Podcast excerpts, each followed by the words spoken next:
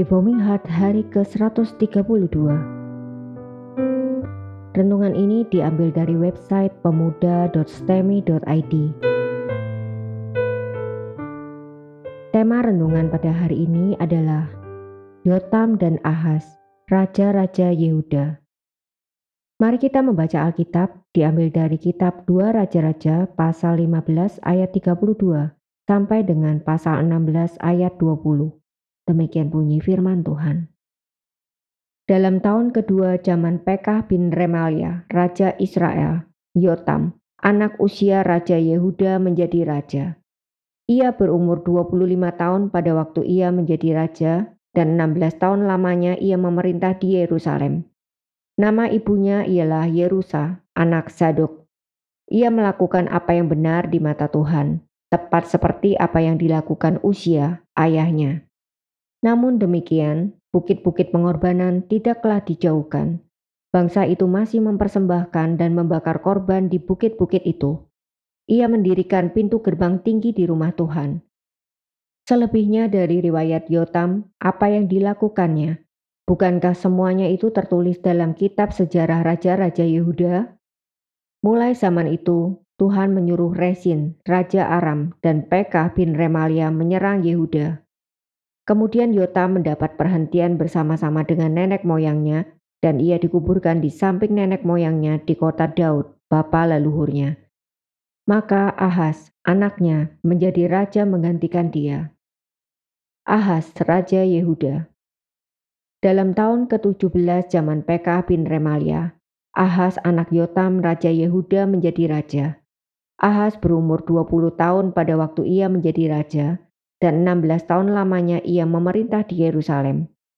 Ia tidak melakukan apa yang benar di mata Tuhan, Allahnya, seperti Daud, bapa leluhurnya.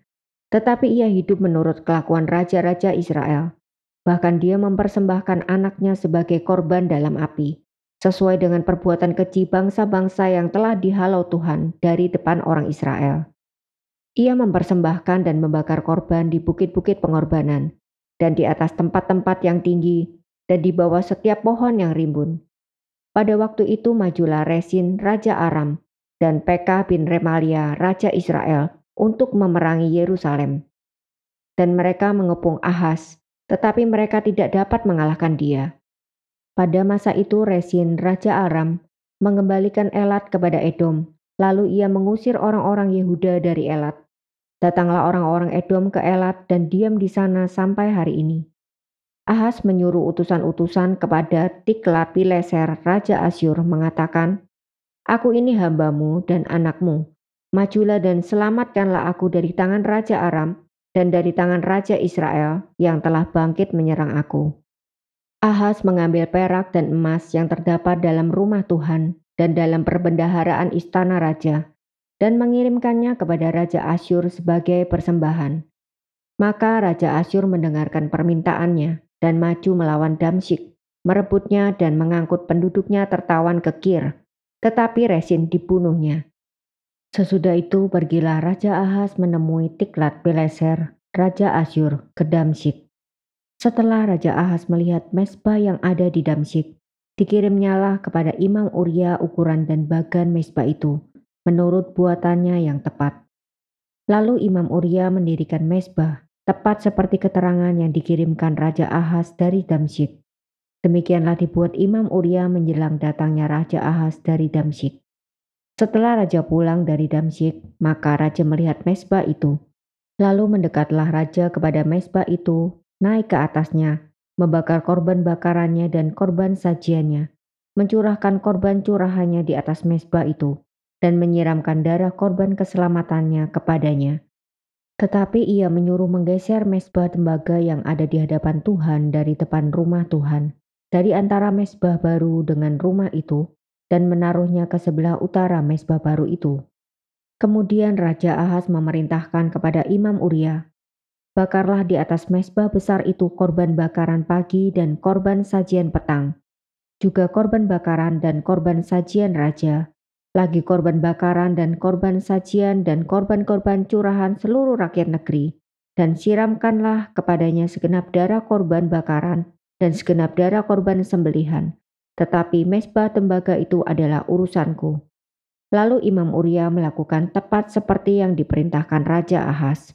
Sesudah itu Raja Ahaz memotong papan penutup kereta penopang dan menyingkirkan bejana pembasuhan dari atasnya. Juga laut itu diturunkannya dari atas lembu tembaga yang mendukungnya dan ditaruhnya di atas alas batu. Selanjutnya, demi Raja Asyur disingkirkannya dari rumah Tuhan serambi tertutup untuk hari sabat yang telah didirikan pada rumah Tuhan, juga pintu masuk untuk raja yang di sebelah luar. Selebihnya dari riwayat Ahaz dan apa yang dilakukannya, bukankah semuanya itu tertulis dalam kitab sejarah Raja-Raja Yehuda? Kemudian Ahaz mendapat perhentian bersama-sama dengan nenek moyangnya, dan ia dikuburkan di samping nenek moyangnya di kota Daud.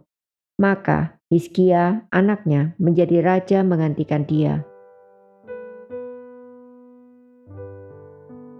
Penjelasan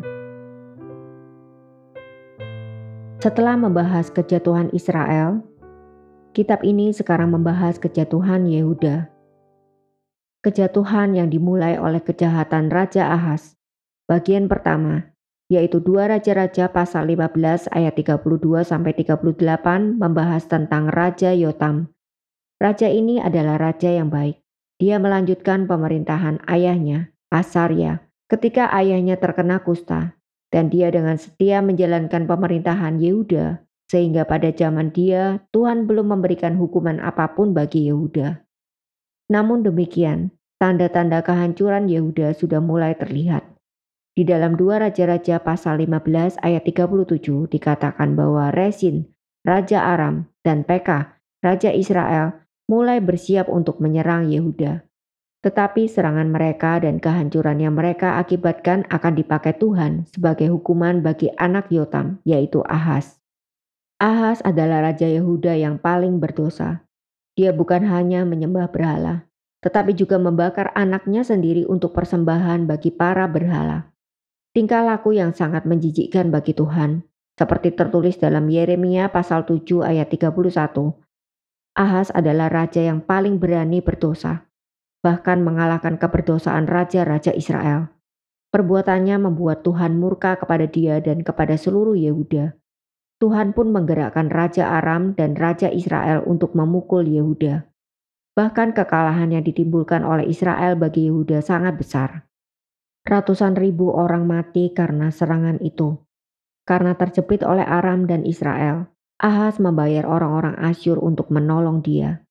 Tetapi orang Asyur malah menekan Ahaz sehingga kesulitan Ahaz bahkan menjadi makin besar. Selain Aram dan Israel, sekarang dia malah mendapatkan serangan dari Asyur. Tetapi di tengah-tengah kesulitan yang demikian besar, Tuhan tetap belum membuang Yehuda. Mengapa Tuhan masih mempertahankan Yehuda? Bagian selanjutnya dari kitab ini mengisahkan pembuangan Israel ke Asyur. Tetapi mengapa Yehuda yang tidak kalah jahatnya tetap belum dibuang oleh Tuhan? Bukan hanya itu, bahkan Tuhan masih akan membangkitkan dua raja yang benar di tengah-tengah Yehuda.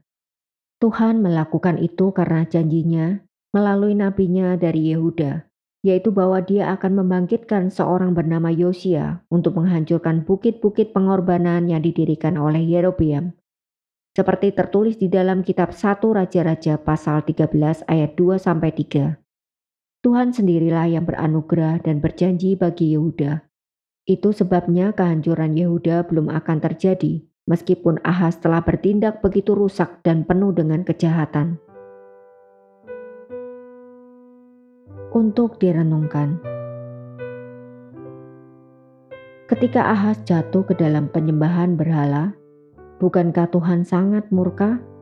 Tetapi kesabaran Tuhan telah dinyatakan jauh sebelum Ahaz. Bahkan ketika kerajaan Israel pertama kali terpecah, Tuhan sudah lebih dahulu memutuskan akan membangkitkan seorang raja bernama Yosia untuk menghancurkan mesbah-mesbah berhala. Di sini kita lihat bahwa alasan satu-satunya sebuah bangsa tidak dihancurkan oleh Tuhan, meskipun mereka begitu rusak, adalah karena belas kasihan Allah yang dinyatakan bagi bangsa itu. Tidak ada yang layak menerimanya, tetapi Tuhan memberikannya karena anugerah. Yehuda tidak lebih baik dari Israel. Mereka juga terus-menerus gagal setia kepada Tuhan. Lalu apakah yang mempertahankan kerajaan itu tetap utuh? Karena janji Tuhan. Ini jugalah yang harus kita renungkan di dalam hidup kita. Segala kegagalan kita tidak akan membatalkan apa yang telah Tuhan janjikan. Sama seperti Yehuda, gereja Tuhan juga bukanlah kelompok yang sanggup mempertahankan kesetiaan kita terhadap perjanjian. Tetapi anugerah Tuhan yang berjanji akan memelihara gerejanya, itulah yang membuat kita dapat terus berharap. Inilah perbedaan mengikuti Tuhan dengan menyembah berhala. Mengikuti Tuhan berarti berpegang erat pada janji Tuhan. Janjinya bagi umatnya akan terus bersandar kepada kesetiaan Allah terhadap perjanjiannya. Inilah yang menjadi dasar mengapa Tuhan terus berbelas kasihan kepada umatnya yang tidak layak. Tetapi meskipun demikian, Tuhan tetap murka karena tindakan Ahaz. Tuhan tetap mengirimkan Israel, Aram, dan juga Asyur untuk membuat Yehuda berada dalam keadaan terjepit. Apakah reaksi Ahaz? Dia malah bertindak lebih menjijikkan, yaitu mempersembahkan anaknya kepada berhala. Tindakan mempersembahkan anak adalah tindakan yang dilakukan para pengikut Molok ketika dia dalam keadaan terdesak. Lihat misalnya di dalam kitab 2 Raja-Raja pasal 3 ayat 26 sampai 27.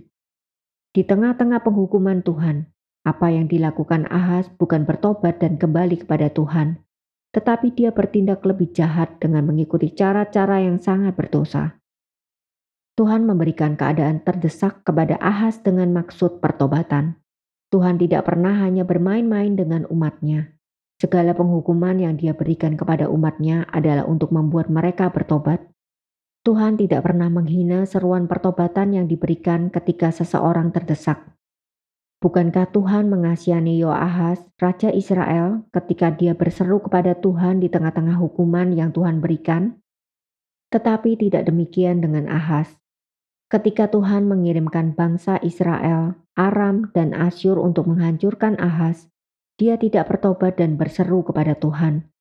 Dia malah memohon kepada Molok dengan membakar anaknya di dalam keadaan terdesak untuk memohon pertolongan dari para berhala yang Tuhan sangat benci. Biarlah dua hal ini boleh menjadi renungan pribadi kita. Ketika Tuhan memelihara kita, mengampuni dosa kita, dan membuat kita aman sebagai anak-anaknya, biarlah kita ingat bahwa itu semua karena Tuhan setia kepada perjanjiannya. Biarlah kita terus hidup dengan rendah hati di hadapan Tuhan, karena sebagai orang berdosa, tidak ada satupun di dalam diri kita yang dapat menyenangkan hati Tuhan.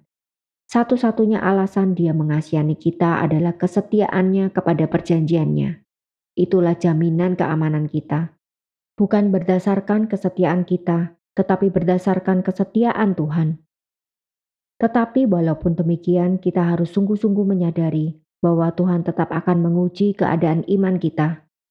Tuhan akan mengizinkan kita berada dalam keadaan terdesak dan memberikan kesempatan bagi kita untuk berpaling kepada Dia dan berharap hanya kepada Dia.